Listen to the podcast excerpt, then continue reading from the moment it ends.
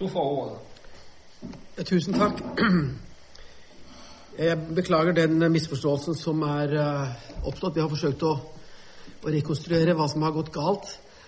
I hvert fall så var intensjonen, og jeg trodde da jeg kom hit, at den var fulgt opp.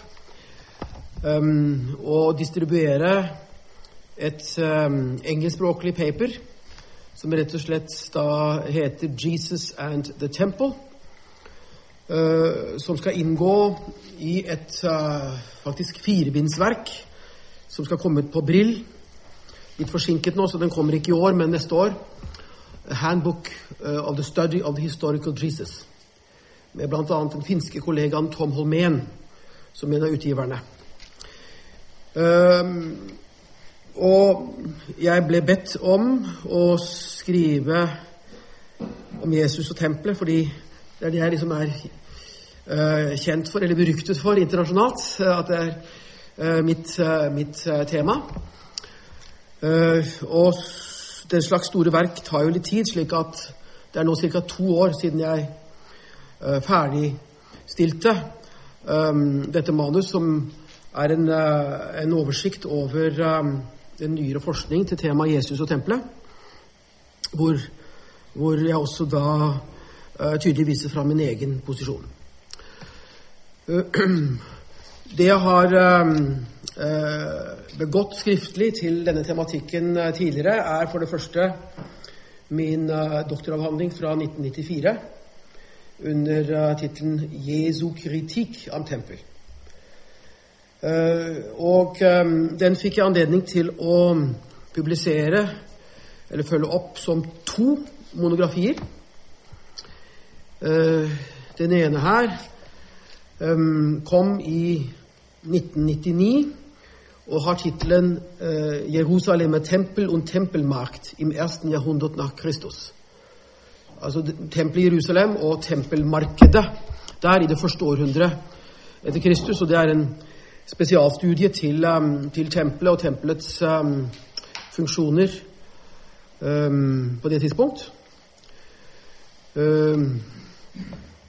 Året etter, år 2000, uh, hovedboken, slik jeg anser det selv, uh, Jesu stellung som tempel.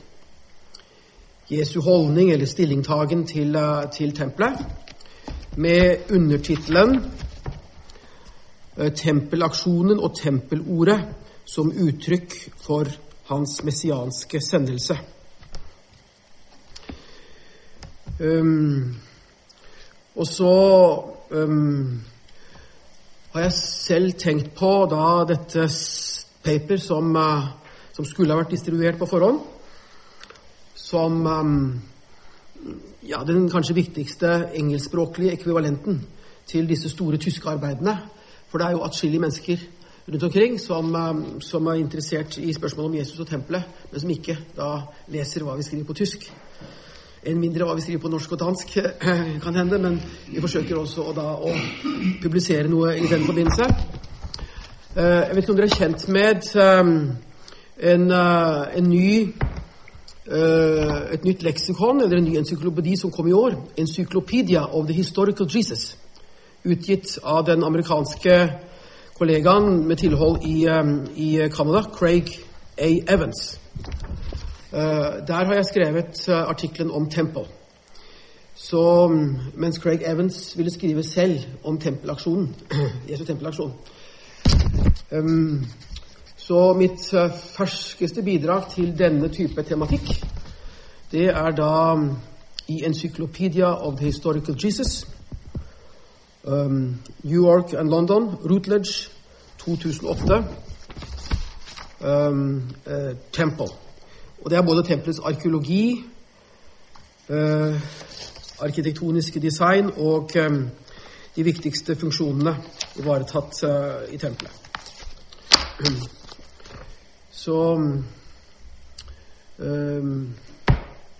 vi må nå prøve å gjøre det beste ut av den situasjonen som er oppstått. Og samtidig forhindre at det bare blir at jeg leser opp manuskriptet mitt eller holder en annen forelesning om temaet, slik at, at, vi kan få litt samtale om det. Eh, men et form for innsteg eh, trenges. Eh, og jeg vet ikke, Peter, om du da tenker eller ønsker at jeg så kortfattet at ting blir stående åpne, slik at man må stille spørsmål, da forsøker å tegne ut eller antyde min Eh, min posisjon på den tematikken. Eh, det er jo en rekke eh, referanser til tempelet og tekster som i visse forstand er relatert til tempelet i evangeliene. Men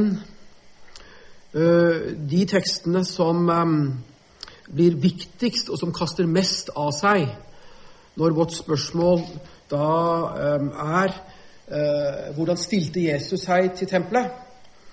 Det er, vil jeg hevde, slik det var antydet også i undertittelen til boken min, Tempelaksjonen og tempelordet. Med tempelaksjonen så sikter jeg til den episoden som um, det kanskje også på dansk uh, fremdeles er mest vanlig omtale som Jesu tempelrenselse. Ja. Interessant nok så er um, dette en av uh, de få beretninger som alle fire evangelister um, uh, har med. Med uh, nokså karakteristiske ulikheter seg imellom, uh, som har gjort det fristende og nærliggende uh, da å, for forskere å gjøre sammenlignende studier og arbeide ut profilen på denne beretningen, Jesu eh, tempelaksjon eller tempelrenselse hos Matteus, hos Markus, Lukas eh, og Johannes. Eh, jeg har altså forsøkt da å, å gå bakenfor en ren komparasjon av evangelietekstene slik vi har dem, og spørre etter den historiske Jesus' Jesu stillingtagen. Og noe av det første som uh, jeg da kom i berøring med for 20 år siden, da jeg begynte å interessere meg for denne tematikken, det var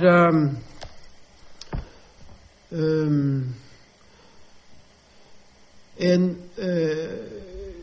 historisitetsdiskusjon som tok utgangspunkt uh, i uh, det at um, en del forskere mente å kunne si at episoden, slik den beskrives hos evangelistene, ikke er ikke er tenkelig som en historisk hendelse, og at denne tradisjonen, når vi har den hos alle fire evangeliene, må ha en annen tilblivelsesbakgrunn enn det at Jesus um, en eller flere ganger uh, opptrådte um, på en sådan måte i tempelet.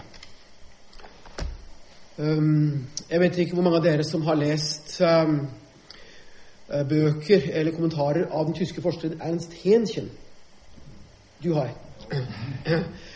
Uh, og Ernst Hähnchen uh, han, er, um, han er verdt å nevne fordi uh, han, han, hadde evnen til å formulere seg veldig skarpt og tydelig. Og i en kommentar til um, Markus evangeliet med et sideblikk til de synoptiske paralleller, så skriver han seks sider hvor det velter ut av ham da alle argumentene mot at dette kan være historisk. og Det gjorde inntrykk på meg å lese den, den teksten og, og, la da sortere sortere dette stoffet ned til de argumentene som det virkelig dreier seg om. Og det har med slikt å gjøre at um, uh, man får inntrykk av at uh, dette er jo en, en episode av eh, stor dramatikk.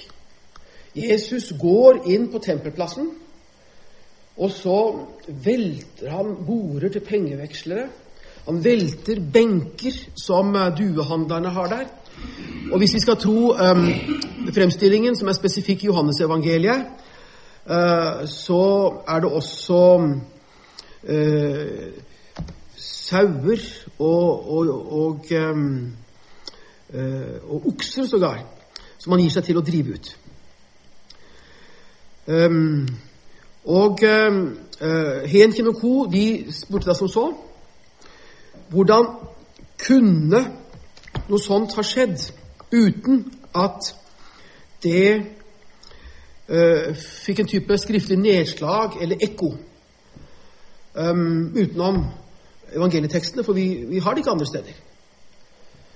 Um, vi vet fra uh, Josefus' beskrivelse at uh, på søylegangene som omga uh, dette store um, området i tempelet, ca. 450 ganger 300 meter av arealet De som har vært i Jerusalem og sett den hellige høyden, nå muslimsk Eh, de, de, har en, de, har en, idé om eh, dimensjonene eh, på tempelanlegget.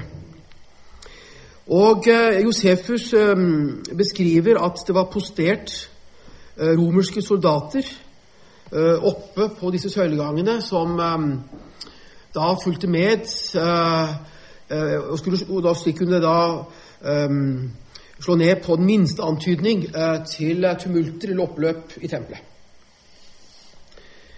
Og vi har jo, vi har jo for den del en episode som illustrerer uh, romernes raske inngripen i tempelet i Det nye testamentet. I forbindelse med at Paulus ankom dit, Apostelens gjerning i kapittel 21. Um, hvor Paulus etter oppfordring fra Jakob og andre blir med fire unge menn fra urmenigheten i Jerusalem, i tempelet, og og betaler da de ofringene uh, som de uh, skal må besørge i forbindelse med at de avslutter en nazireerperiode, ser det ut til. Og der i tempelet så er det noen valfartende jøder fra Efesus som oppdager Paulus, og de kjenner jo ham og hans misjonsvirksomhet derfra. Og de setter i gang da et voldsomt oppløp. Så det er jo mobben som da er i ferd med å å angripe, eh, og antageligvis eh, kunne fått et dødelig utfall hvis det ikke var for at romerne registrerer at nå skjer det noe, og de griper raskt inn og eh, redder Paulus. Så til og folk spør Dette er jo en mye større episode, slik evangeliene fremstiller det. Og hvorfor hører vi ikke om at romerne, om ikke romerne, så da tempelets eget, eget politi, uh, protesterer. Hvorfor i all verden satte ikke uh, både selgere og kjøpere seg til motverge mot dette? Dette jo, kunne ikke være i deres interesse, osv. Så, videre. så Det var noe av argumentasjonen på 70- og 80-tallet. 80 um, uh, til dette. Um, det skjer nok et omslag uh, blant forskere flest i beredskap uh, til å godta at dette har en reell historisk bakgrunn i og med den amerikanske forskeren E.P. Sanders' bok om Jesus and Judaism, som vel kom første gang i 1985, hvor han gjør denne episoden eller Jesus' stillingtaken til tempelet uh, rett og slett uh, til utgangspunkt, til startpunkt for hele sin uh, drøfting av hvordan den historiske Jesus stilte seg i forhold til jødedommen og dens viktige religiøse og nasjonale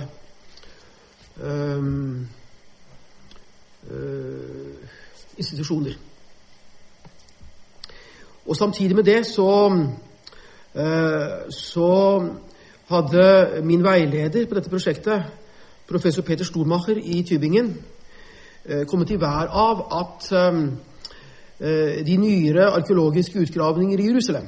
Selv om de da ikke har kunnet finne sted inne på selve tempelområdet. Men alle som har vært der, har jo sett da at man har gravd ut rundt tempelområdet. Og at de da eh, Disse nye utgravningene sammenholdt med de gamle tekstene fra Josefus, Mishna og vi ellers har, kunne uh, få um, Kunne åpne opp for, for, nye ting, nye muligheter av å sammensette og samlese den totale evidens enn den vi hadde, hvor det hele hadde liksom kjørt seg fast i den type, i mine øyne, helt reelle spørsmål som helt Nocho stilte, men som um, uh, vi ikke hadde noen gode svar på. Fordi de teoriene som Hen Kinoko kom opp med da for å forklare hvordan denne tradisjonen var blitt til, hvis det ikke var med utgangspunkt i en hendelse, var også svært lite tilfredsstillende og svært lite overbevisende for mange av oss. Um, og um, dette eh, Peder Schumacher visste at eh, jeg hadde tilbrakt eh, mye tid eh, i Det hellige land med interesse for arkeologi. Så mm, han tenkte at eh, eh, denne kombinasjonen av et studium til den historiske Jesus og arbeid med evangelietekster og arkeologi til da en mest mulig presis uttegning av eh, de tidshistoriske um, omstendigheter, det måtte være noe spennende for meg. Og det ble det. Um, for å ta det med arkeologien uh, kort, så har det også blitt en egen bok. Hvor jeg i stor avhengighet og stor takknemlighet til den israelske arkeologiprofessoren Benjamin Mazar eh, som jeg hadde anledning til å føre samtaler med en fire-fem ganger på hans gamle dager. Han var for skral til å eh, ta meg med på kontoret, som han gang på gang sa han gjerne ville, enn si gå ut og se på, på selve utgravningsstedene. Men også de samtaler som vi førte i hans hjem, de var svært eh, nyttige for meg. Og en idé som han hadde lansert, men ikke arbeidet ut, eh, nemlig at Eh, da Herodes den store, som um, utvidet uh, det annet tempel uh, i de siste årtier før, um, før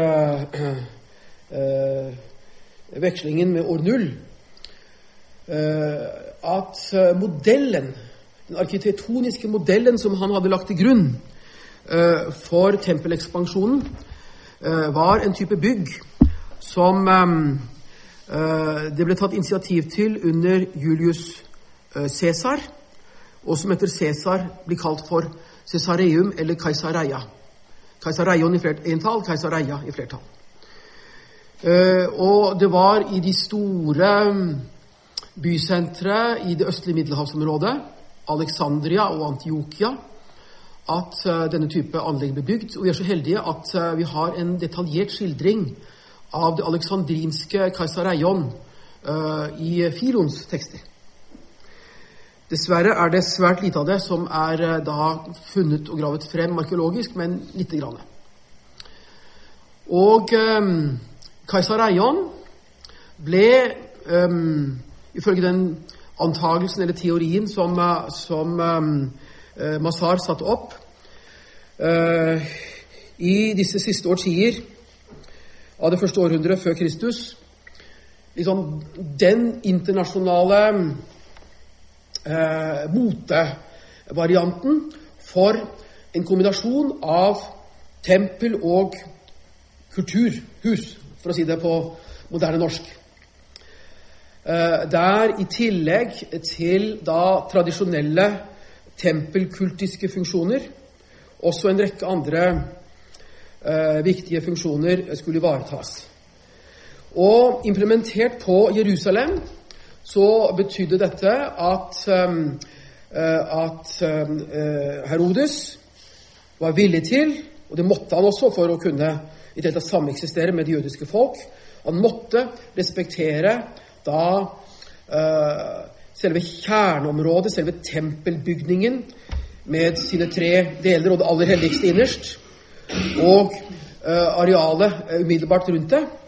Men når det gjelder da det ekspanderende området, det skjer en fordobling av tempelarealet i forhold til hva man hadde hatt i hasmoneisk tid. Der hadde han da større frihet. Og han gestaltet da dette ytre tilvekstområdet med noen fantastiske eh, haller. Eh, og ikke bare enkeltgående søylehaller, men også designet som hele basilikaer langs eh, syd, Sydmuren. Og vi vet da ut fra tekster og arkitektoniske analogier noe om hvilke, hvilke hensikter dette skulle tjene. Så vi har tre referanser Én i Johannesevangeliet og to i apostlenes gjerninger til Salomos bugang. Hvor Jesus, og siden da de tidlige apostler, um, drev undervisning og lærevirksomhet, f.eks. Og det passer da utmerket med den funksjon som, uh, som slike uh, søylehaller skulle ha innenfor rammen av slike, slike byggverk.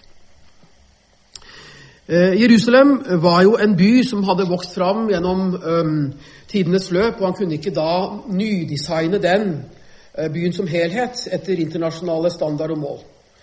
Slik at um, uh, tempelet med da området umiddelbart rundt det, som vi altså da har fått innsikt i gjennom arkeologiske utgravninger, eh, ble anlagt som, um, som Jerusalems agora. Altså som Jerusalems Eh, sentrale eh, samlings- og markedsplass.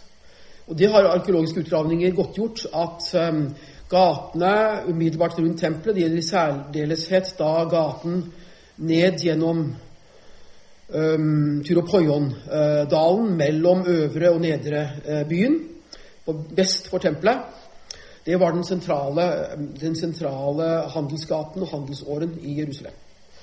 Og Det er altså en direkte forbindelse som bygges mellom da dette handelsområdet rett utenfor tempelet og den sydligste og mest um, prangende av alle disse hallene uh, mye i tempelområdet, uh, kalt uh, Den kongelige søylehall av, um, av Josefus i hans beskrivelse av tempelet i Antikvitates 15.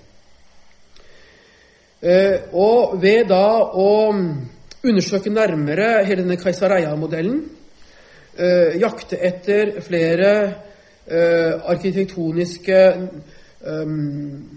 nedslag av den, og der viser det seg at arkeologisk utgravning i Kyrene i Nord-Afrika er spesielt, spesielt til hjelp for oss.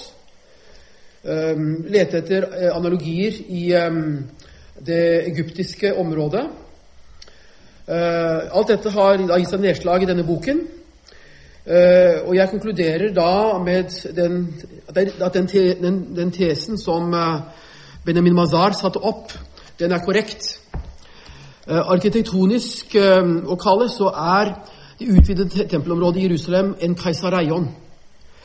Og en keisareion som blant alle de funksjoner den da ivaretar, også kobler den sydligste delen av dette utvidede området eh, med eh, Jerusalems marked.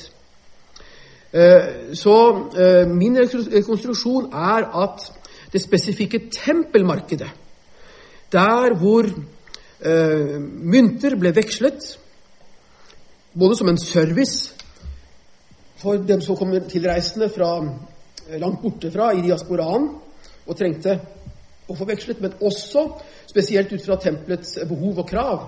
Fordi den, den, den tempelskatt som enhver jøde skulle betale, den skulle kun betales med tyriske sølvskjekler.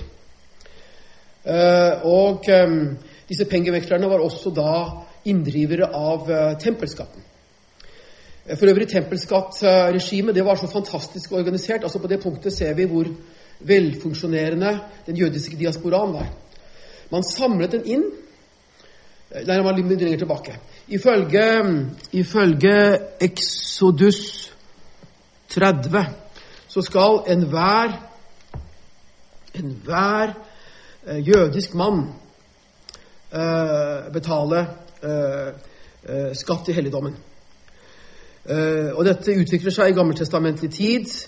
Og når vi kommer til nytestamentlig tid, så er dette da fiksert eh, til eh, eh, en eh, pengestørrelse eh, svarende til eh, verdien på en sånn eh, eh, halv eh, eh, drachme eh, sølvdrachme eh, av eh, tyrisk eh, kvalitet. Dette ble altså innsamlet rundt i hele diasporaen og fraktet eh, til Jerusalem. Og det var så store pengemengder som kom sammen at disse fraktene de var selvfølgelig utsatt for overfall osv. Men altså eh, Romerriket besørget da eskorte eh, som skulle sikre at dette kom, kom trygt fram. Men drømmen for enhver jøde, det var da å valfarte til Jerusalem og selv i tempelet da betale inn sin tempelskatt. Og Det var hovedfunksjonen til disse pengevekslerne som vi hører om. De, og de som da solgte den type offermaterie som man trengte, duer Det var storforbruk av duer. Uh, duer var da den offermaterien som um, uh, fattigfolk kunne benytte til erstatning for dyrere offerdyr. Dette er allerede regulert i Levitikus. Uh, og ble da uh, systematisk og konsekvent uh, praktisert og omsatt i, i um, nytestamentlig tid. så mine arkeologiske undersøkelser de, de, fant da via omveien av hva en keisareion er, og hvordan, hvordan um, den er arkitektonisk utformet, hvilke funksjoner den skal ivareta. Applisert på Jerusalem fant jeg at eh, tempelmarkedet det er lokalisert inne i denne ene søylehallen. Eh, og dermed så faller problemet bort, som da Henkin og de andre hadde kjørt seg helt fast i.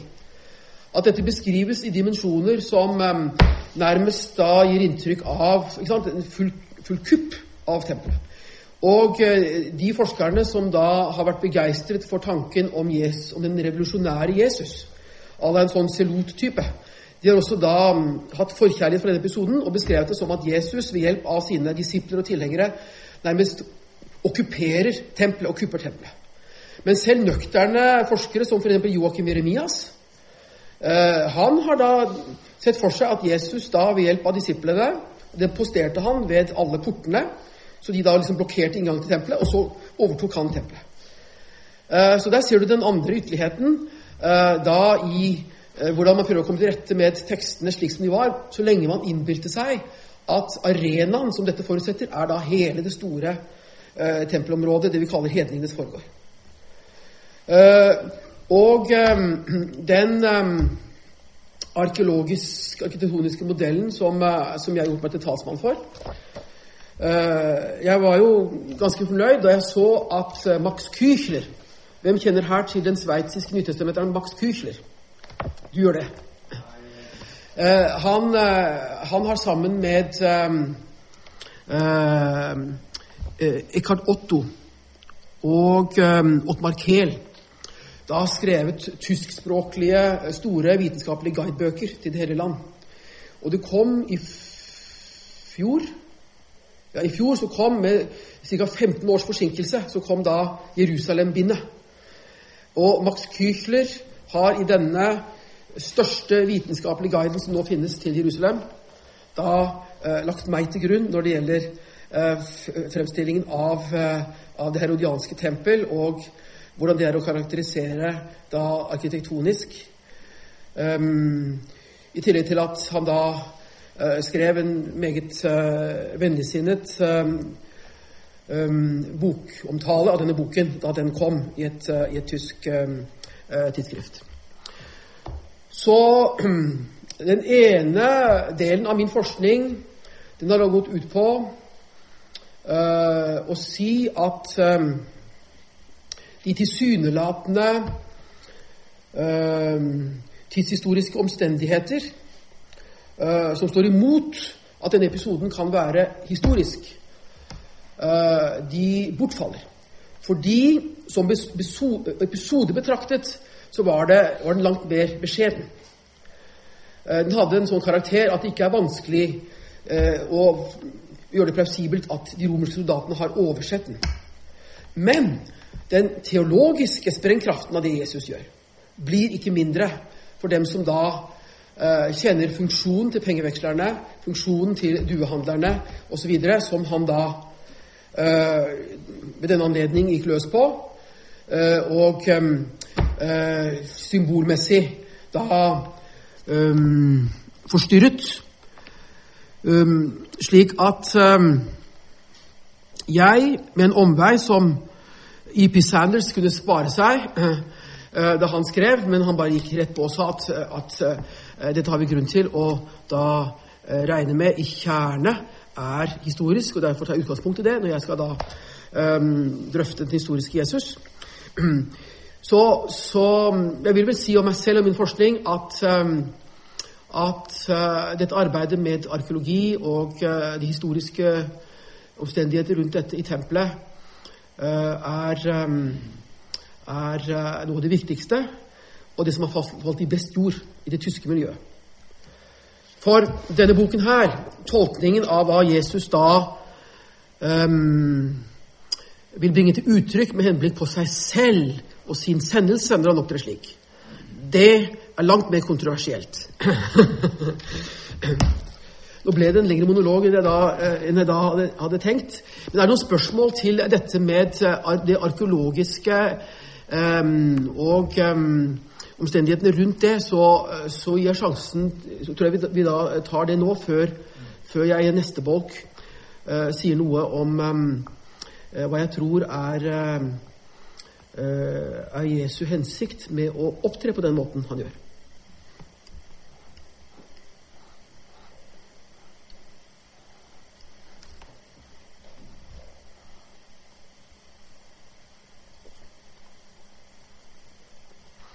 Da, det er vanskelig å fastholde alle de detaljer du riser opp, men altså, vi forstår jo hovedsigtet. Det er fremstilt det, det foregået litt mer i man normalt forestiller.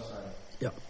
At det ikke var så, så påfallende. Ja, det, det var det nok for dem, der stod det, men det var ikke i sentrum av tempelet i forhold til det vi allerede forestiller oss.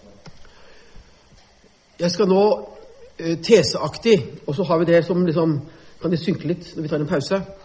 Da um, uh, fremsette uh, noen av mine påstander og vurderinger Eh, og nesten hver enkelt er da gjenstand for diskusjon, og er også kontroversiell i den forstand.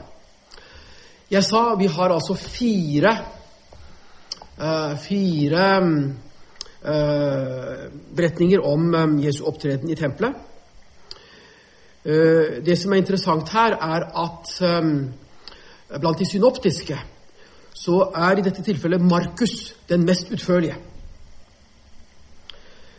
Um, og um, jeg har gjennom min synoptiske analyse uh, og litterærkritiske og um, tradisjonshistoriske arbeid uh, med, med denne episoden kommet til det synspunkt at det aller meste av den markinske teksten, slik vi har den i Markus kapittel 11, vers 15 til og med 17, er, um, en, er en ivaretagelse av tradisjonen slik den var fra begynnelsen av. Og gir uh, en dekkende historisk uh, skildring av um, hva Jesus gjorde, og hva han sa. Det vil si Jeg eksemporerer direkte fra den greske tekst, uh, Markus 11, 15. De kommer til tempelet. Og uh, han gikk inn i uh, tempelområdet, Tohiron. Uh, gresk skjelner mellom Hiron, som betegnelse for det store tempelanlegg, og Naos, spesifikt som tempelet eller tempelhuset, der ofringene skjer. og etter at han da var gått inn på tempelområdet, begynte han å drive ut Eh, dem som solgte, og dem som kjøpte i tempelet. Og eh, bordene til pengevekslerne og benkene til dueselgerne veltet han. 16. Og han tillot ikke at um, man bar noen skevos, noen form for gjenstand, gjennom tempelet. 17. Og han lærte og sa til dem, står det ikke skrevet, mitt hus skal kalles et bønnens hus for alle, alle folk, men dere har gjort den til en røverhule. Um, jeg tror altså at, eh, at dette i eh, all hovedsak er, eh, er, dekkende. Særlig omdiskutert er dette ordet i Markus 11, 17, hvorvidt det hører med opprinnelig. Det er flere forskere som da er villige til å regne med at Jesus han har handlet slik som det er beskrevet her, men, at, men dette ordet det er det mange som mener er, er påhengt siden av evangelisten. Jeg tror det er autentisk. Dernest så har vi det såkalte tempellogion, eller tempelord. Og ehm, Jeg vet ikke om dere har tenkt over det, men altså vi har syv-åtte ganger i, um, i, Det nye testamentet samt i uh, Thomas-evangeliet et ord om um, at uh, Jesus um, eller noen annen vil rive ned uh, det tempelet som står der, og så vil det enten bli bygget opp igjen, eller han vil erstatte det med et annet tempel på tre dager. Vi har ulike varianter av, av dette tempelordet. Og Blant annet så anføres det da hos Markus og Matteus i forhøret um, hos um, øverstepresten Kaifas eh, langfredagsnatten. Og Der er det da eh, kommentert sånn av evangelisten at det er satt i sammenheng med falske vitnesbyrd. Og det har gjort det til en utfordring da å, å, å, tenke igjennom for forskerne hva består falskheten i. når vi har dette ordet referert i Johannesevangeliet, i apostlenes gjerninger osv. som et ord direkte av Jesus, ja, hva består da falskheten i? Eh, jeg har naturligvis analysert eh, da alle disse forekomstene eh, og forsøkt å finne mønster i dem. Og igjen så ender jeg opp med den kontroversielle forståelsen at den, den mest utførlige varianten som vi har, nemlig i Markus kapittel 14 vers 58, er den opprinnelige. Jeg har en tysk kollega som heter Kurt Pesler som i 1999 skrev en hel monografi om eh, Jesu eh, ord om tempelet. Og han har en helt annen oppfatning av hvordan forholdet er mellom de forskjellige variantene. Men i Markus 14, 58 eh, så er det da gjengitt at Jesus skal ha sagt Og jeg har altså kommet til at, at dette, er, dette er et autentisk Jesusord, slik at falskheten er ikke da at det er noen her som da lyver om hva Jesus skal ha sagt, men det må identifiseres på en litt annen måte. Hva er det Jesus har sagt? Jo, jeg skal rive ned dette uh, tempel eh, bygget med menneskehender, og um, etter tre dager uh, skal jeg reise et annet som ikke er um, bygget av menneskehender.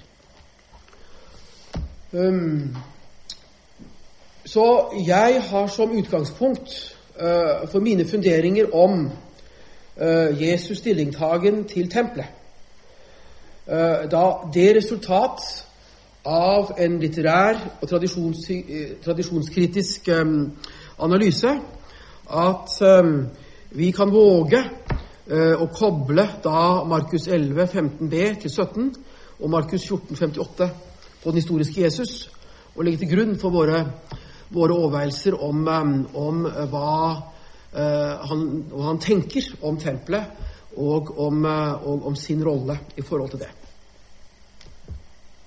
Skal vi ta pause der, Peter? Ja.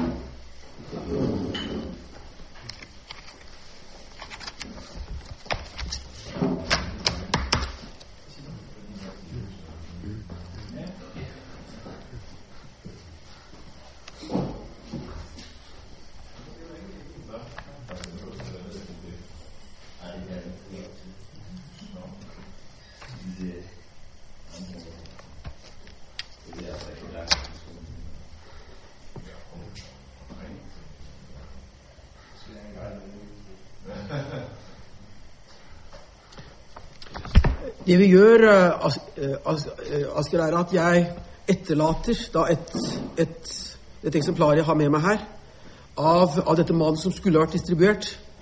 Og så kan, kan, dere kopiere det opp til alle dem som har interesse av det. Så sånn sett er det Det kan jo gjøres allerede nå.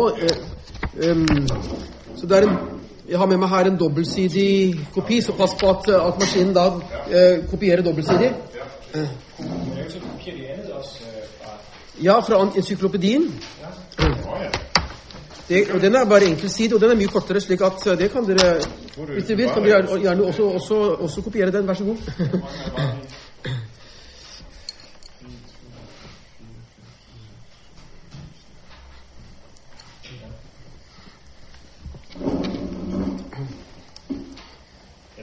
Skal, det skal blive veldig interessant, om der kan foretages flere udgravninger efterhånden. Det er ikke sant?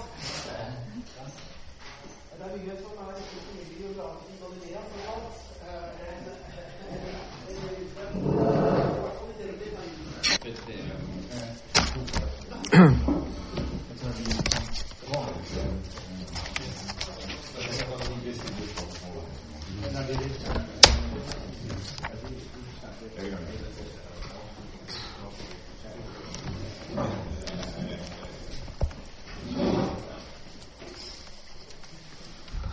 Ja, vi fortsætter. Vi, øh, vi, vi vil få den.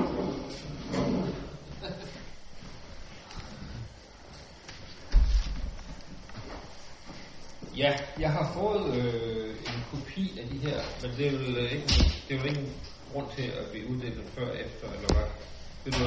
Nei, dere, ingen rekker å lese det nå i noe fall, og vi risikerer bare at, at de de virker distraherende i forhold til, til det, det vi da gjør muntlig.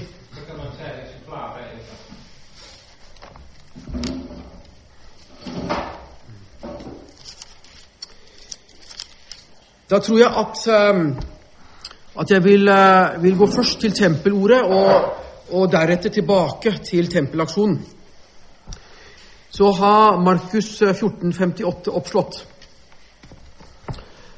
Ehm, eh, dette motsetningspar som eh, opptrer her, eh, det nåværende tempel som skal brytes ned, at eh, det er Keiropoiatos. Det er reist med hender. Mens det annet tempel som skal komme til et sted, det er A. Keiropoiatos. Ikke reist med hender. Eh, Det er klart at eh, den første tanke som eh, den rimelig velinformerte kjenner av, av antikken vil tenke på, det er da en distinksjon som vi kjenner fra det helenistiske området. Der det da blir en kontrast her mellom eh, det rent materielle tempel og så eh, en eller annen størrelse som da ikke er reist med hender. Og man tenker på eh, slike ord som at at, som vi har da et par reflekser av i apostlenes gjerninger, at den levende Gud han lar seg ikke da Han bor ikke i, og han lar seg ikke betjene via da eh, bygninger som mennesker har reist, om det aldri så praktfulle eh, templer. Eh, men man forholder seg til ham eh, i en annen sfære, i en, ånd, i en åndelig forstand. Eh, og vi får da allerede i Paulusbrevene reflektert, for å snakke om da tiden etter Jesus eh, En av de ambisiøse selvforståelsene som eh, Den unge kirke opptrer eh, med, er at eh, den nå i sannhet er Guds hus og Guds tempel. Så eh, menigheten, eklesia, eh, som et fellesskap av mennesker, som en samling av levende stener, for å si det ved 1. Peters brev, er da det sanne Guds hus. Men eh, hvis vi da, som jeg forsøker å gjøre, eh, stiller oss forut for påsken, og i da den samtale den, som, den, som Jesus da fører med, eh, med eh, eh, med eh, jøder i, eh, i Galilea og nå i Jerusalem. Eh, og vi spør eh, hvilke, eh, hvilke assosiasjoner må de få? hvilke teologiske motiver, tradisjoner, er det som vekkes til live ved en sånn kontrastering? Og da tror jeg at vi i dette tilfellet skal lokalisere Eh, skjelningen gjort med menneskehender kontra ikke med menneskehender eh, til eh, den jødisk-apokalyptiske tradisjonen. For vi ser i apokalyptiske kretser som er meget skuffet over tilstandene i, i det annet tempel, som mener at det presteskap som der gjør sin tjeneste, og måten eh, de gjør det på presteskapet, er korrumpert, og eh, de overholder ikke da eh, forskriftene på rettmessig måte. Og vi er vel alle mer eller mindre kjent med um, teoriene som sier at hele essenerbevegelsen blir til gjennom da uh, alvorlige feider innen presteskapet angående hvordan tempelet skal forvaltes, uh, osv. Eh, og det vi da eh, kan se i disse kretser, det er en nøktern erkjennelse av at først med det salomoniske tempel, og nå igjen med da det tempel som Serubabel reiste etter eksilet, så går det sånn etter en tid at Eh, det, blir forfall. Eh, og eh, de sant gudfryktige, lovtro grupper de stenges ute fra tempelet, og de må søke et alternativ.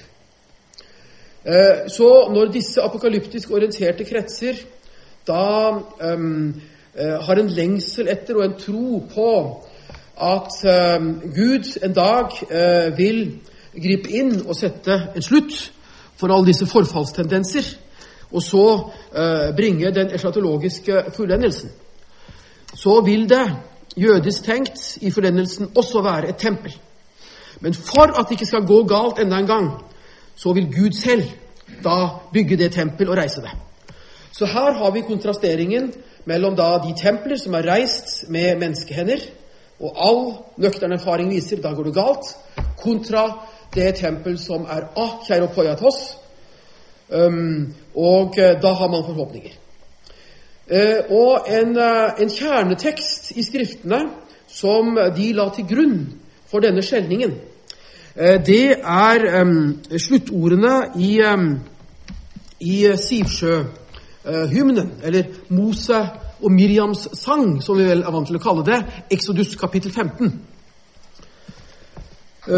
så den kan vi godt slå opp.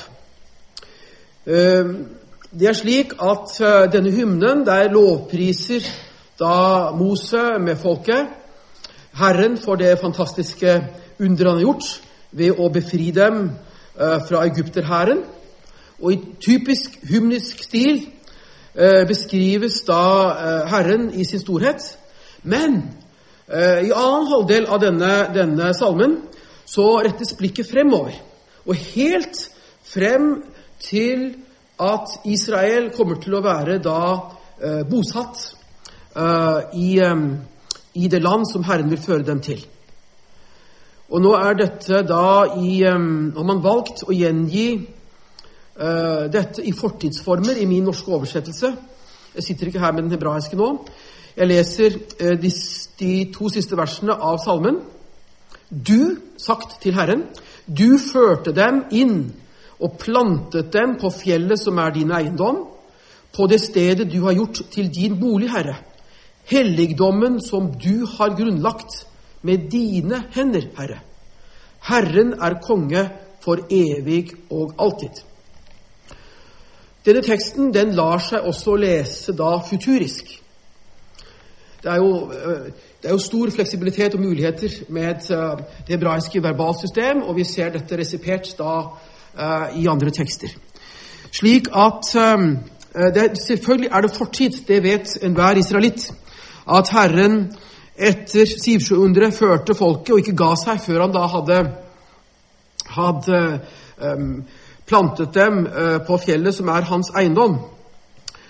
Uh, men den bolig som Herren grunnlegger med sine egne hender, og hvor de vil lyde 'Herren er konge for evig og alltid', ja, det er erkjenner da visse, visse um, uh, apokalyptiske kretser, det må gjelde uh, den fremtidige eschatologiske helligdom. Uh, så um, Exodus kapittel 15 vers 17b ble lest som da et trøsterikt varsel om at Herren vil selv besørge sin hellige ånd. Og da vil også Herren som konge uh, vise seg. Så da vil han altså i apokalyptisk eh, henseende tiltre sitt uh, kongelige herrevelde, sin basileia, på en slik måte at hele verden ser det og faller på kne i bønn.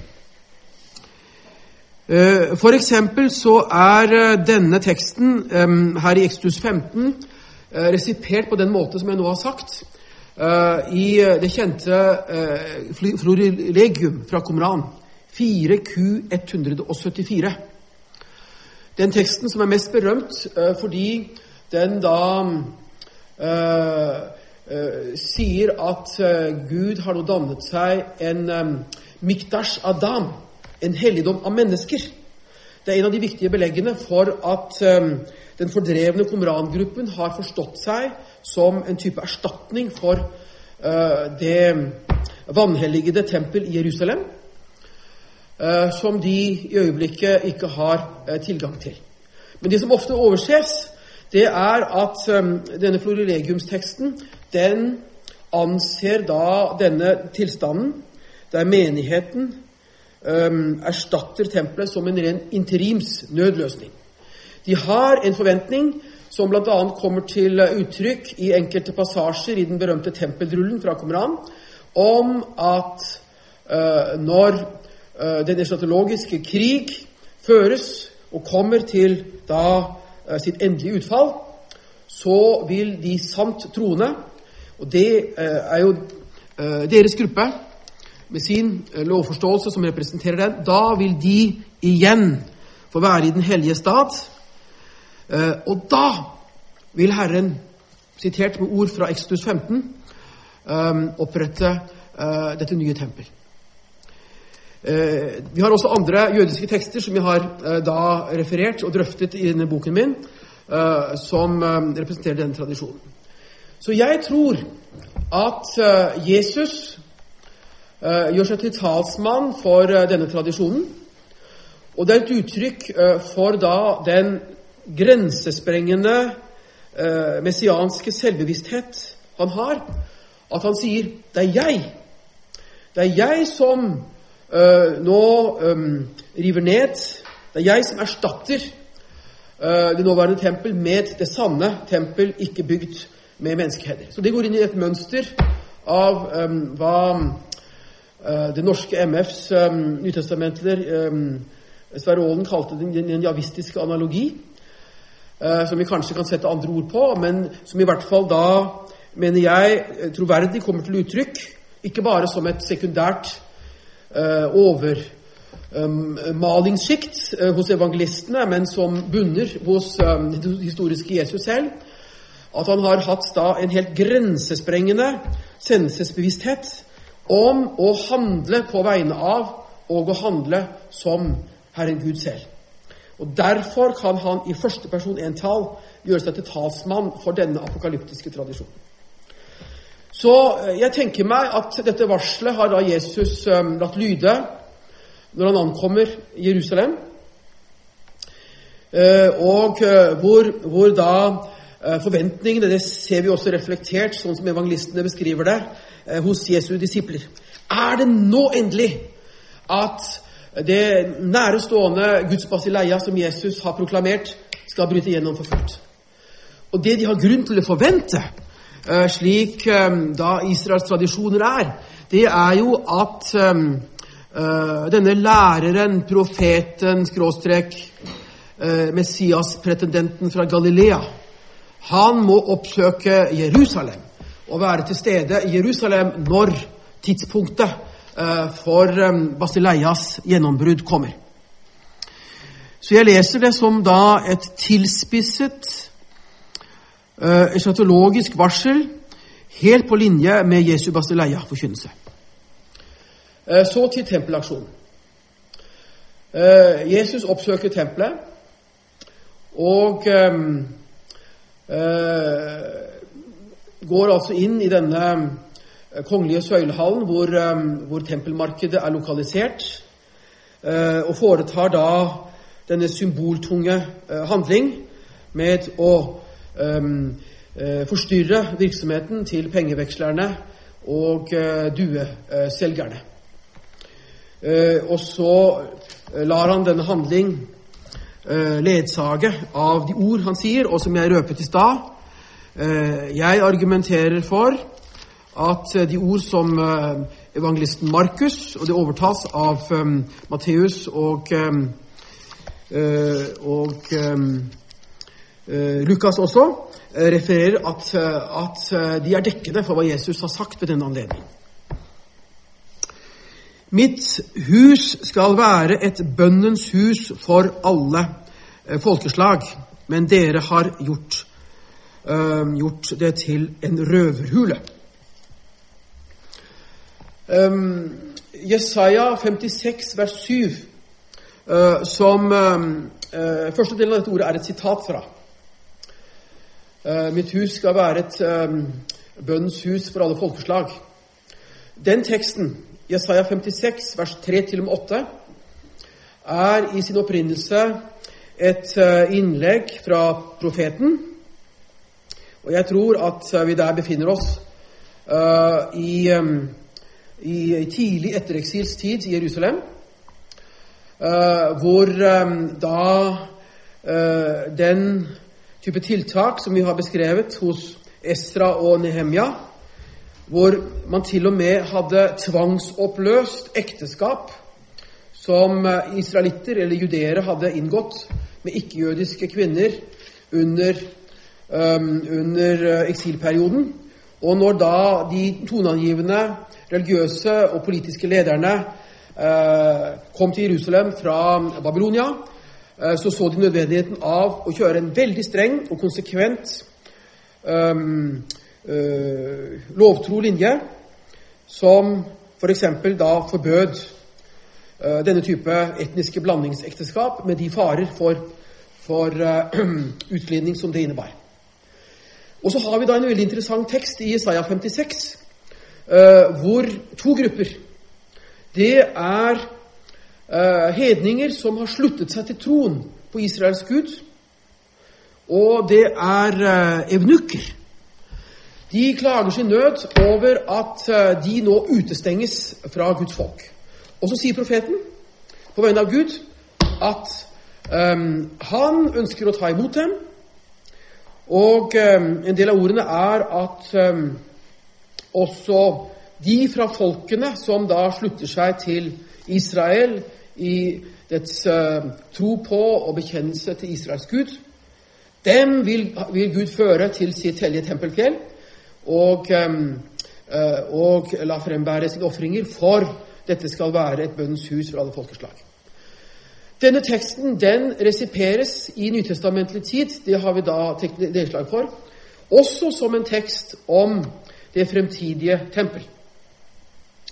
Slik at eh, jeg mener da, eh, med den bakgrunn som, eh, som, jeg, som jeg rekonstruerer for tempelordet, så ser jeg en klar ekvivalens i det ord som Jesus påberoper seg her, når han sier at den sanne funksjon for tempelet fra nå av er at det skal være et bønns, et bønns hus for, for alle, alle folkeslag. Eh, og Eh, og så, så, sier han i kontrast Men hva har dere gjort? Dere har gjort det til en røverhule.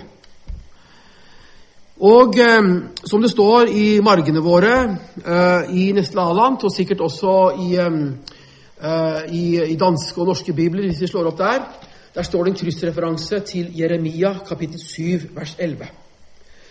For det eneste sted i eh, de hellige skriftene hvor uttrykket 'røverhule' figurerer, i hvert fall relatert til tempelet, det er i um, profeten Jeremias tempeltale i uh, Jeremia kapittel 7. Og Der sier han til sine samtidige Han får i oppdrag av Gud om å stille seg opp innenfor en av um, tempelportene og så gå i rette med sine samtidige, som da roper 'fred, fred og ingen fare', og som da anser tempelet, selvfølgelig i kraft av Sions-tradisjonen og de, de, de, løfter som er knyttet til den, for å være uinntagelig og det trygge sted for Guds folk. Men så sier Jeremia, eh, hvordan våger dere å søke deres tilflukt i tempelet, og, og samtidig da kapitalt bryte eh, med Guds bud?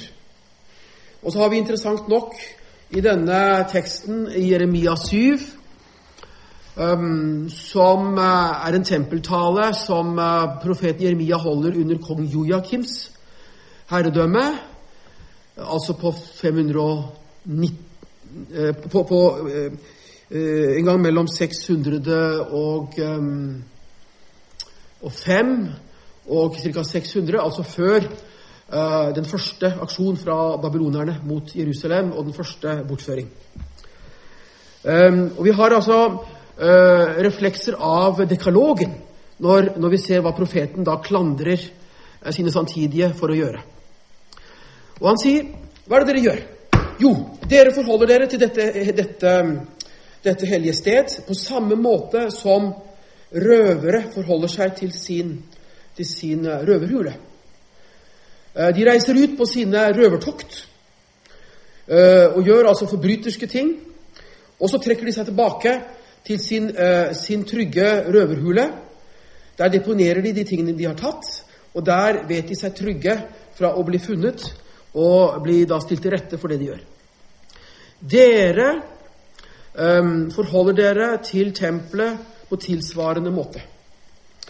Så spesifikt sier Jeremia at um, uh, dere har ikke gjort tempelet til en røverhule i betydning at uh, dere fyller den med alskens da eh, tvilsomme og grusomme ting, slik profeten Esekiel beskriver det som skjer i tempelet. Det han sier dere er i forhold til tempelet som røver i forhold til sin, eh, tempel, sin røverhule. Eh, og så eh, sier profeten at eh, på vegne av Gud ja, gjør dere det slik, så vil også jeg se det på den måten. Vil også jeg anse tempelet som en røverhule.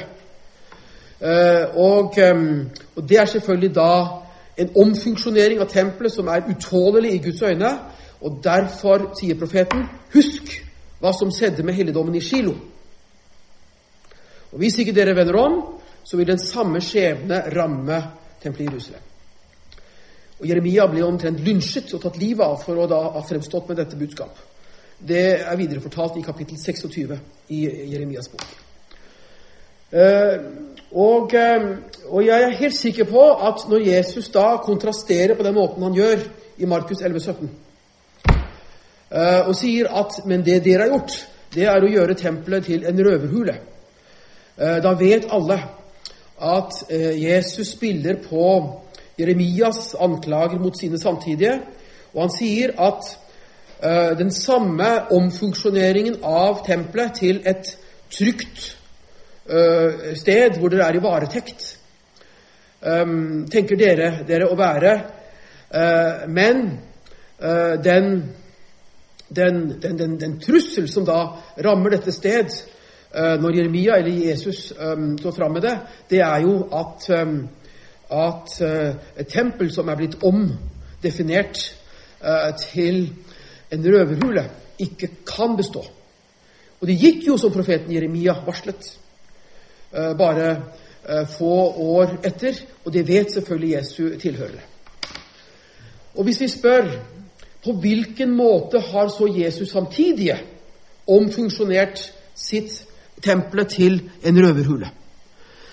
Ja, um, uh, da er det ikke, slik vi stadig kan lese i, um, i kommentarer osv. til den teksten, at um, de har trukket da sånne uh, tempeluvedkommende funksjoner som salg og pengeveksling inn på tempelområdet.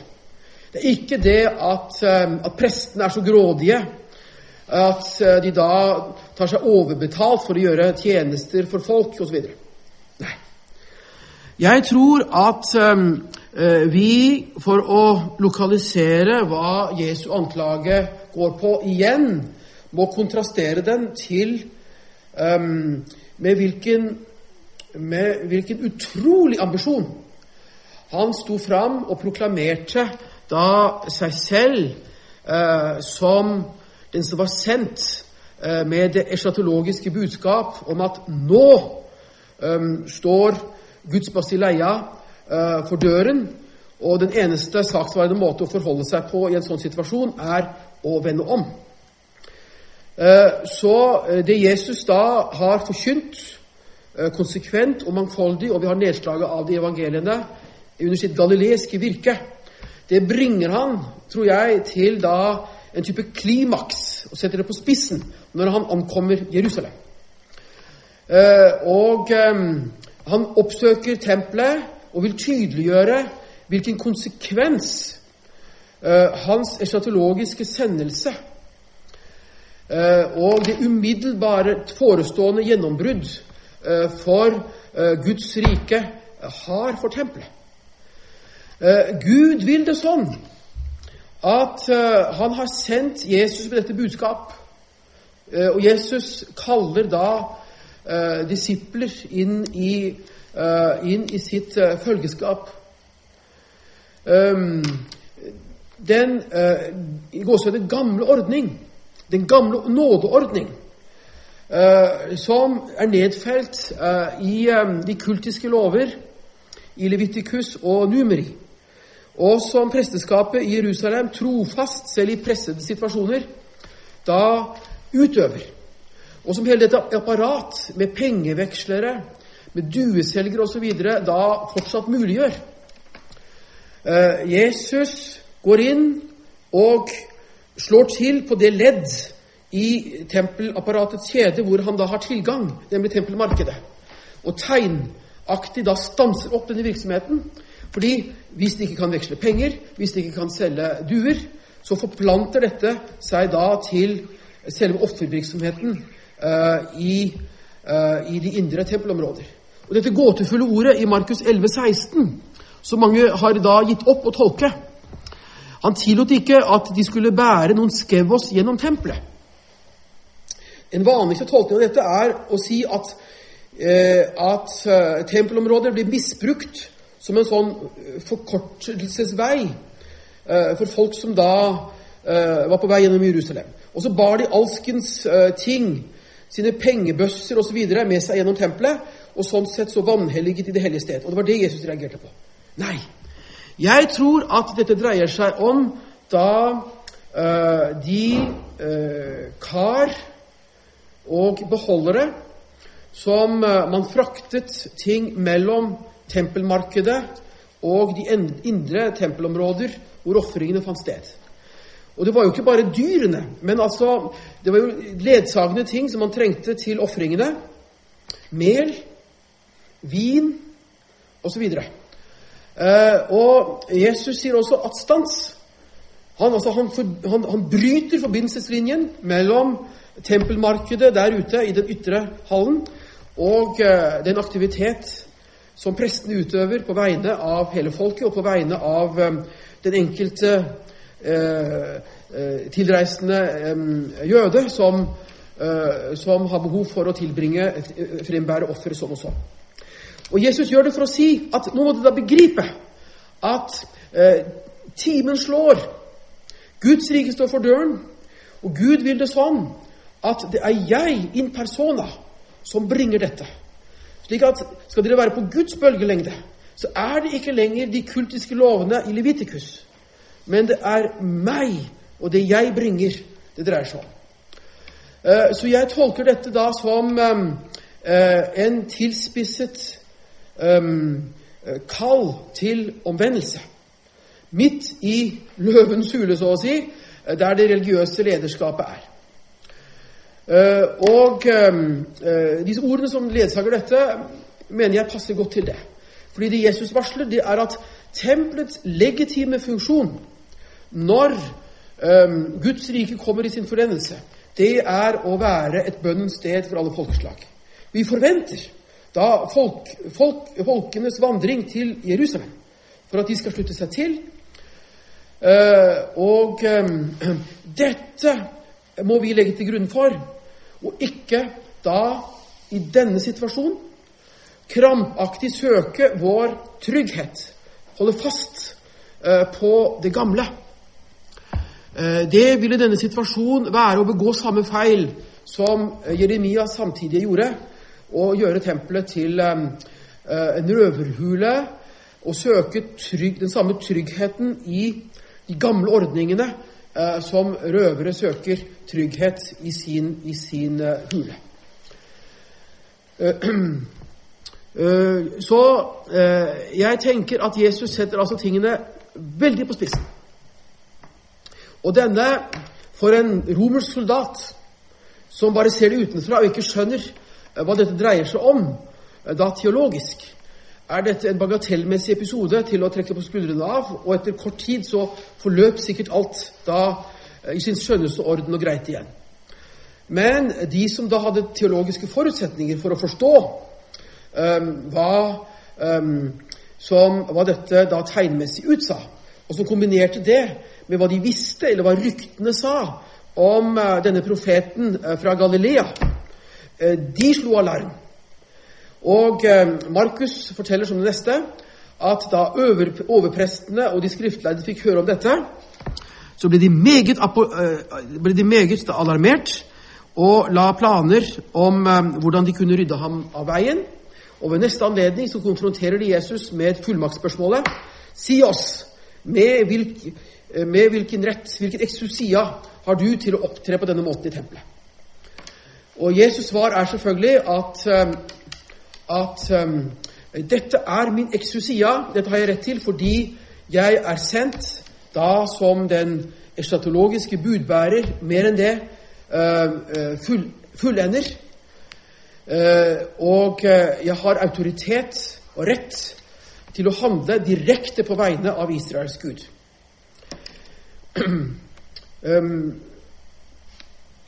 Det som jeg tror vi da for det siste eh, kan si, det er at eh, Jesus har naturligvis visst hva han gjorde, og skjønt hvilken utrolig provokasjon dette var.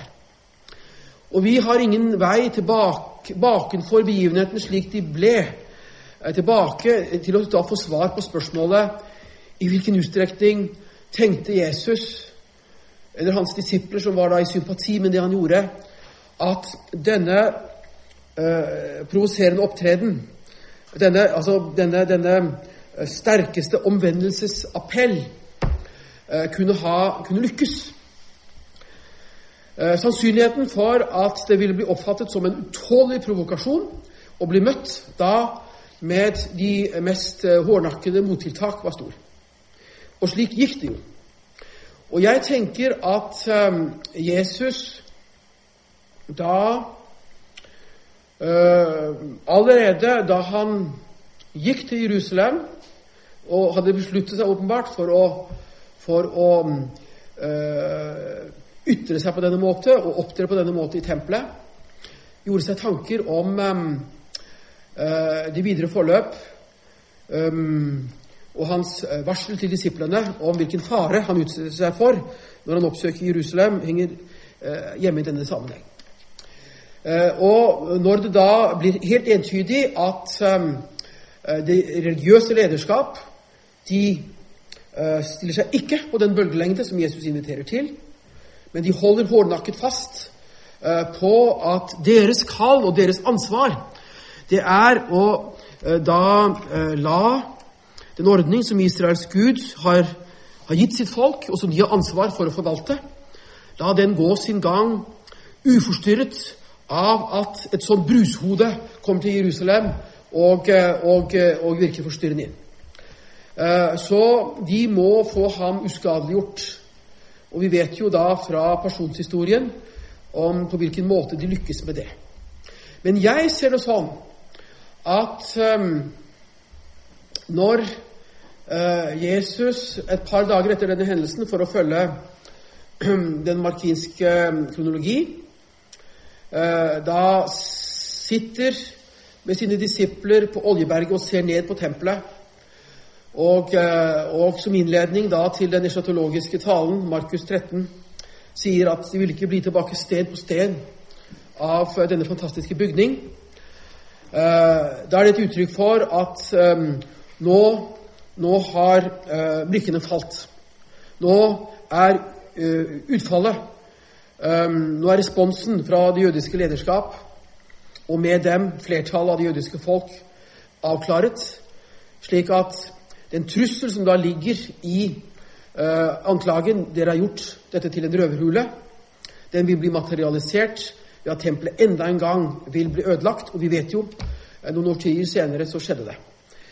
Um, og um, med henblikk på hva det da betydde, um, nemlig at de ikke uh, kom Jesus i møte, uh, og at det ville åpnet opp kanskje for det eschatologiske gjennombrudd, hvor tempelet ville kanskje ikke blitt ødelagt på den måten det ble, men i en eller annen forstand blitt transformert til dette eschatologiske eh, tempel, som er kjennetegnet med at det er Gud som står bak det, ikke lenger mennesker.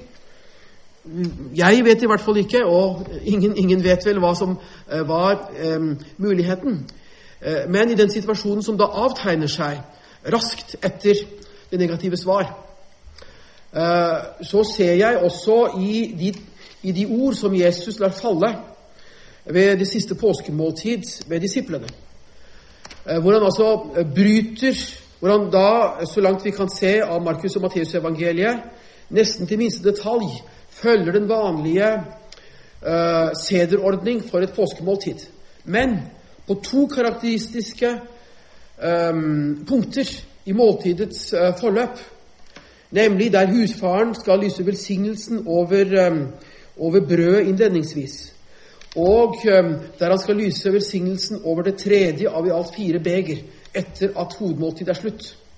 Der benytter Jesus anledningen til da å bryte mønsteret og si noen gåtefulle ord. Dette, dette brød som vi bryter, som vi spiser, dette elendighetens brød, som han sier med en formulering fra Deuteronomium kapittel 16, det er mitt lege med min kropp, som gis for dere. Og eh, vinen i det tredje beger, ja, det er hans blod, hans paktsblod, som utøses eh, for, eh, for, de mange. Så dere er sikkert vel fortrolig med da den soneteologiske tolkning av disse ord.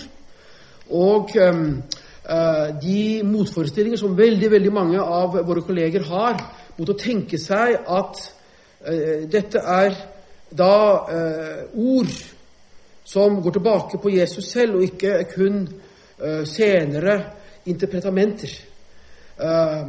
I lys av da den uh, tidligkristne teologi etter Jesu død og oppstandelse.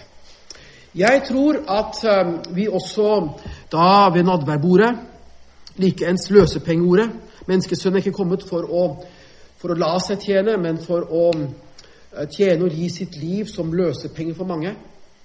Tempelskatten som eh, Jesus indirekte da agerer mot når han, eh, når han velter pengevekslerbordene, den, den, ble teologisk forstått som en, en løsepenge som kjøpte fri.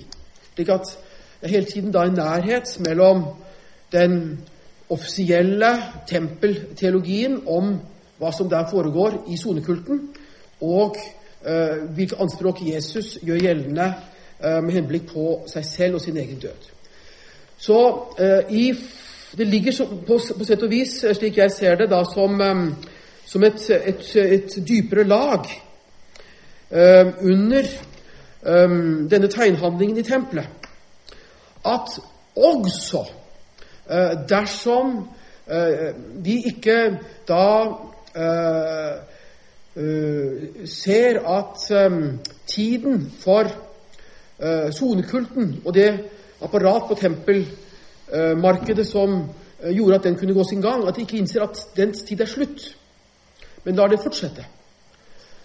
Eh, også i den situasjonen så bringer Jesus tegnmessig til uttrykk at um, uh, det sted hvor eh, Gud i sin nåde lar en fullkommen soning finne sted, til beste for sitt folk, og etter hvert til beste for alle mennesker, det forflytter seg da uh, fra det som må skje dag for dag i tempelet gjennom prestenes trofaste tjeneste, til det som skjer en gang for alle når Jesus dør, og denne døden har de implikasjoner som brødordet og begerordet ved, ved påskemåltidet uttrykker. Så jeg ser altså ikke brudd, men jeg ser da en klar kontinuitetslinje fra Jesu forkynnelse i Galilea om Guds rike, fra hans provoserende opptreden i tempelet og hans ord om tempelet, til det han da sier kort før sin arrestasjon, i lys av den reaksjon som nå har, har kommet, og til den teologi som apostlene, helenistenes krets med Stefanus, Paulus osv. da utfolder uh, i, uh, allerede etter kort tid uh, etter disse dramatiske begivenhetene når det gjelder da forståelsen av Jesu person, og spesifikt hans, hans, hans død, um, med henblikk på, på, det soteriologiske og det eschatologiske. Så det er en slik linje jeg fører, og noen av oss snakket i pausen om. Da sa jeg at hebrebrevet er det mest typiske da nedslag uh, av en teologisk uh, utfolding av hva Jesu død betyr. Når man ser den da i kontrast til og på bakgrunn av det soneteologiske institutt uh, som Israels Gud hadde gitt sitt folk, og slik det er nedfelt da i den kultiske delen av, av loven. Uh, så det er dette bildet, det bildet som jeg tegner av disse sammenhenger. Um, og um, den som kjenner den internasjonale debatt, uh, vil forstå at uh, jeg møter større motstand mot betydelige deler av, av da, denne syntese av mange momenter når det gjelder Jesus-tolkningen, enn det jeg har gjort til arkeologi. Men det skal jeg si da til, til, til beste for, for, de kolleger I og med at det er jo særlig Tyskland debatten har funnet sted. At jeg, jeg Også fra dem som da ikke har latt seg overbevise, har, har fått mange spennende og, og fære innspill. Og Eh, og fått anledning til å, til å, føre spennende debatter om disse tekstene. Og det har forsøkt da, i den teksten som dere får kopi av før vi går fra hverandre her i dag, og som vil komme på trykk forhåpentligvis i løpet av ikke veldig mange måneder. Det er mitt forsøk på da uh, slik um, redaksjonen av denne boken ba meg om, så fair som mulig å gi et referat av de forskjellige posisjoner og de, de viktigste utviklingslinjer uh, i forskningen de senere årtier til temaet Jesus og tempelet. Men jeg skulle også få lov til da å tydelig fremvise min egen, egen uh, posisjon. Så dere vil finne igjen da uh, Men plassert da mye tydeligere inn i en større forskningshistorisk setting enn det jeg gjorde her og nå. Um, disse synspunkter og disse vurderinger uh, angående eh, Jesu relasjon til tempelet, hvis dere leser den teksten. Tusen takk. Vi har aldri tid til overs, men uh, ikke voldsomt mye. Men har i hvert mulighet for en replikk. Ja. akkurat i går, det var søndag i går, der, der har vi i Danmark en øh, national tekstrække, den såkaldte anden tekstrække, øh, hvor øh, evangeliet, prædike evangeliet, det var øh, den fattige enke Ja. i templet.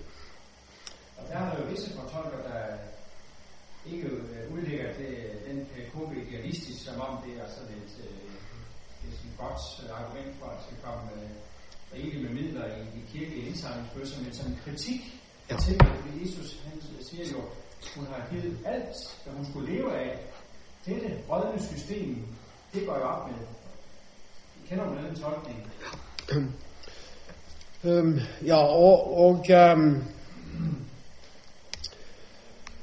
øh, Altså, det bildet som, eh, som vi kan lese da i en del kommentarer, en del nytestamentlige teologier, og ikke minst da i fremstillinger av eh, de tidshistoriske eh, omstendigheter i Palestina på Jesu tid, eh, av et et ganske kynisk og korrumpert tempelvesen, der overpresteskapet da ikke hadde hemninger for å inndrage midler fra, fra rike mennesker. Vi har enkelte spredte notiser i det rabbinske materialet som retter heftig kritikk mot enkelte navngjetne eh, prestelige familier, eh, hvor eh, overprester som altså var permanent bosatt i Jerusalem, og som da hadde høye posisjoner i tempelet, lot eh, de, de vanlige prester Altså, vi har jo Zakaria,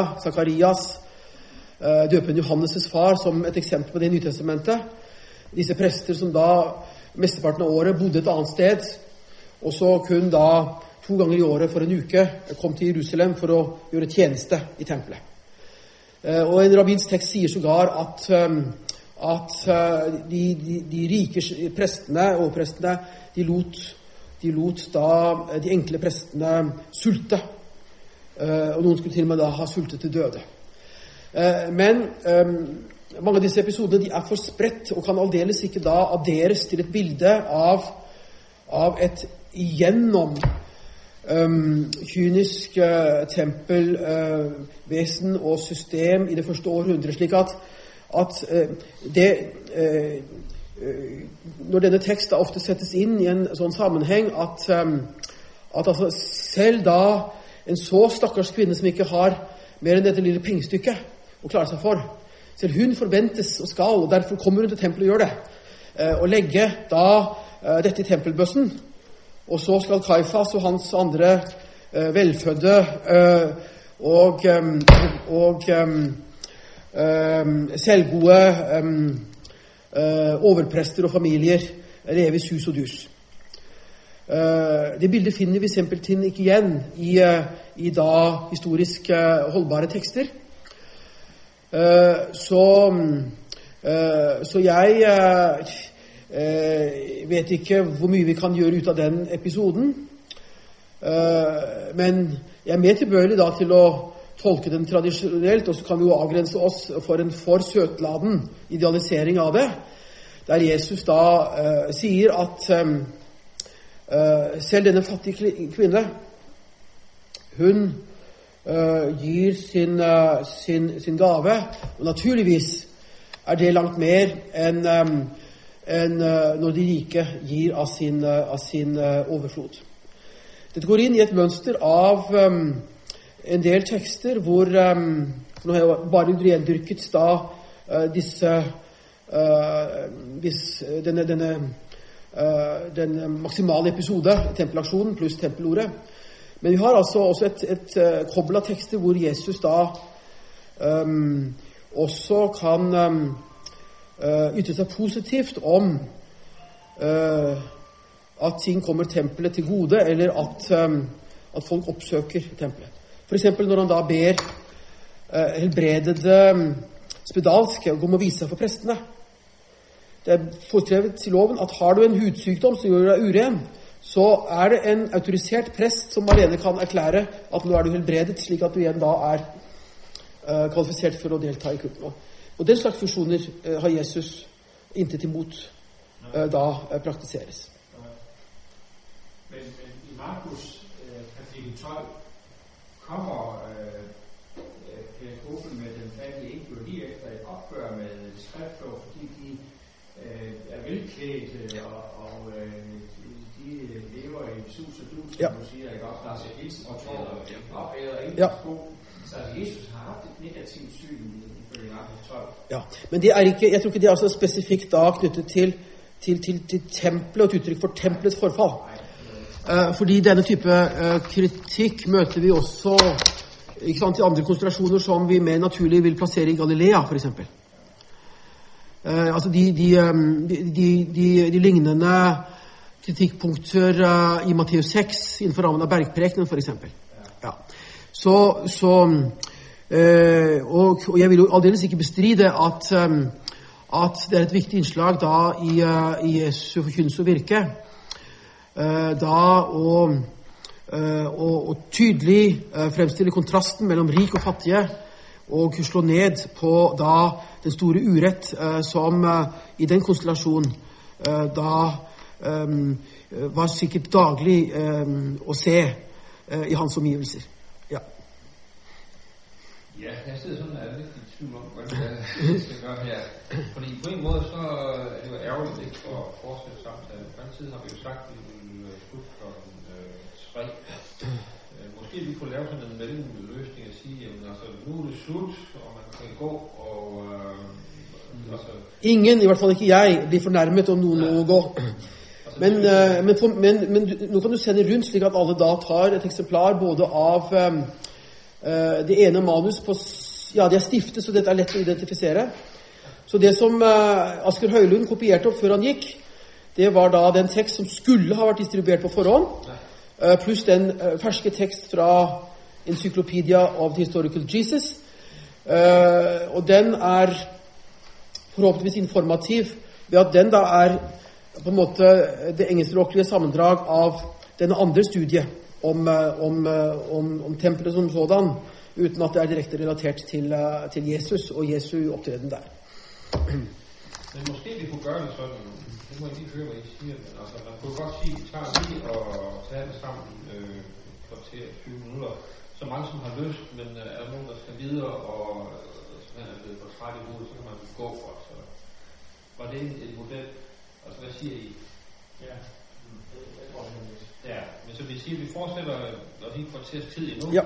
og så kan man gå øh, nu her, hvis man øh, synes, at det, det kan være ting, så man har planlagt ikke også. Okay, men så så siger vi, at vi kører et kvarters tid nu med. Ja. Tak for et utroligt spændende foredrag med øh, nogle store hvide perspektiver, fordi man kan jo sige, at øh, inden for den nytestamentlige forskning, så hele liberale altså de projekt var jo at skille øh, Jesus og Paulus ad. Øh, og inden for debatten i den evangelikale verden, så er øh, en af de helt store debatemner i øjeblikket, det er forholdet mellem øh, Guds rige og, korsdøden, øh, som for eksempel udspiller sig i meget af emerging church, church-debatten. Mhm. Øh, hvordan hænger det sammen? Øh, så det kunne være det kunne være utrolig spændende at høre en andet foredrag af dig, hvor du undersøger Galilea-delen og udpeger øh, de steder, hvor du ser øh, Jesu messianske selvidentitet øh, lige så tydeligt, som du ser den i Jerusalem. Mm. Øh, sådan at Guds rige forkyndelse bliver knyttet til øh, handlingerne i korsbuen. Mm. Øh, så det er dit en kommentar, men måske også et spørgsmål om, om du tænker på andre steder end for eksempel de tre lidelsesforudsigelser og øh, lytrådord der er 1045. Øh, så det, det, det er en ting. Jeg har også et andet spændende spørgsmål, synes jeg. Øh, en tekst, øh, som jeg altid øh, har haft vanskeligt ved at løse. Øh, Du var lidt inde på den der, altså i aktie 21, hvor, øh, hvor Paulus jo foretager Ja. en, efter al sandsynlighed kultisk handling, Øh, man kan godt forsøge at afsvække den lidt og sige, at det var et takkeoffer, han bringer. Øh, men han bringer jo ikke, altså han, templinstitutionen godkendes i hvert fald i det offer, han satte til for at bringe. Øh, det er ikke bare for at bede i templet, eller hvad? Nei, og, og øh, eh, den episoden i det hele tatt ehm, Da eh, den tilsynelatende Skal vi si bekymringsløse, eh, selvfølgelige mm, oppsøken av tempelet som, eh, som vi har gjennom, gjennom hele akta, er en utfordring her. Og, og allerede da under min disputasjon på Menighetsfakultetet i Oslo i sin tid, så hadde den kloke eh, kollega Karl Olof Sandnes identifisert dette som da et, et kritisk eh, punkt, og utfordret meg på det i et extraditorium-innlegg eh, under disputasen. Um, for jeg har vel kommet til at, um, at man kan ikke i samme grad som jeg gjorde i, um, i min opprinnelige avhandling skrevet i 1993, bare tone ned og bagatellisere dette innhold i, i, uh, i deler av, av tradisjonen. Og fordi den boken jeg nå har skrevet, er utelukkende eh, inneholder Jesusstoffet, eh, så har jeg ikke måttet direkte ytre meg til det der. Um, jeg er spent på Jeg har sendt to versjoner. og Den som dere har fått nå, det er den lengste versjonen uh, til, uh, til uh, Historical um, Handbook of the, of the, Study of Historical Jesus.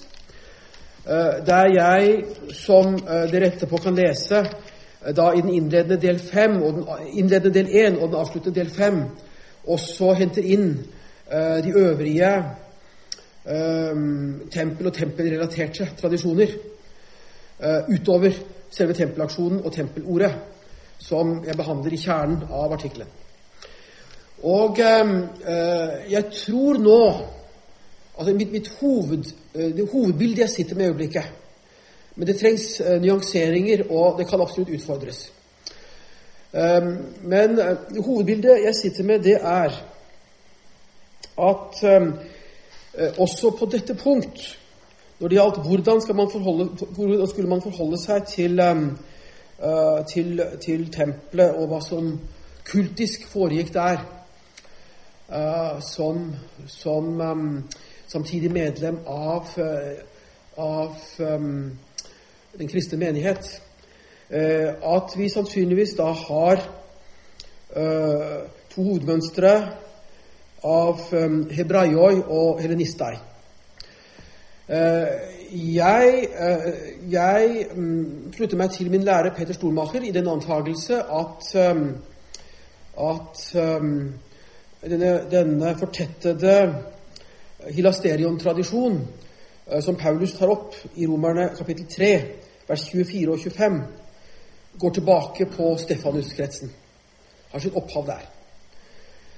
Uh, og, um, og, det er klart at hvis eh, noen da formulerer det slik at eh, det egentlige hilasterion, altså der Gud da taler til sitt folk, og der soningsblodet da eh, appliseres. At eh, det er eh, Jesus den korsfestede.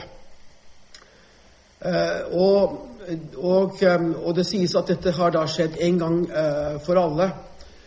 Um, da er det vanskelig å tro at de som har denne overbevisning og denne tolkning av Jesu død, kan forene det med en fortsatt da oppslutning om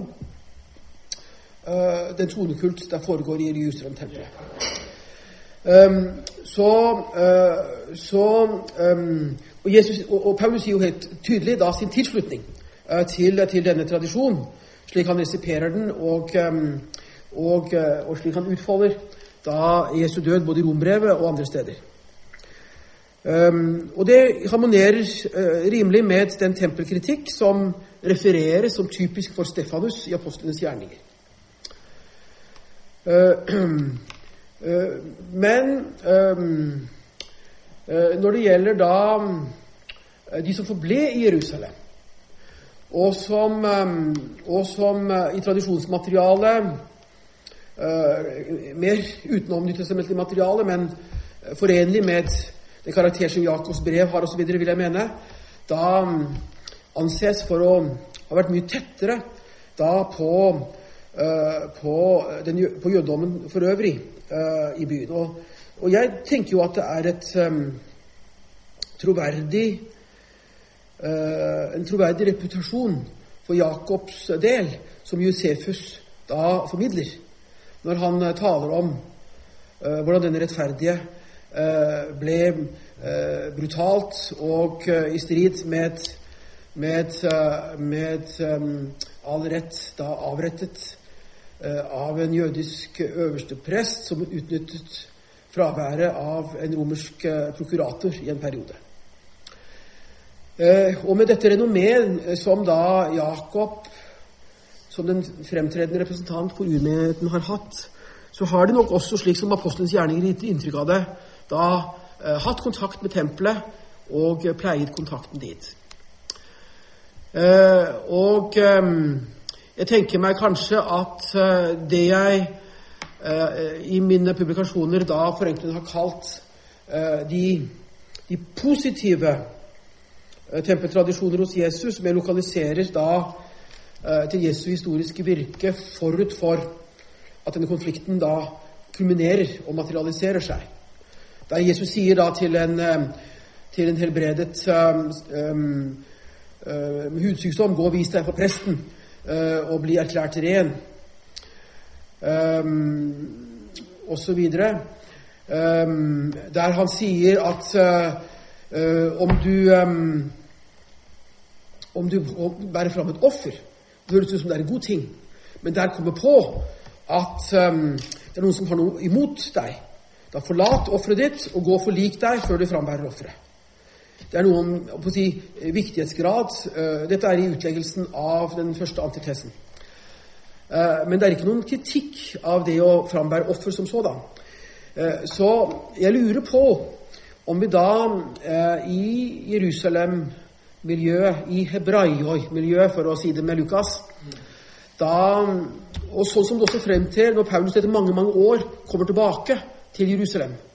Og så sier Jakob til ham at nå må du gjøre et eller annet som får uh, disse Jesus-troende her, mange av dem er fra fariserpartiet, og de viderefører på en helt annen måte enn du, enn du Paulus, gjør.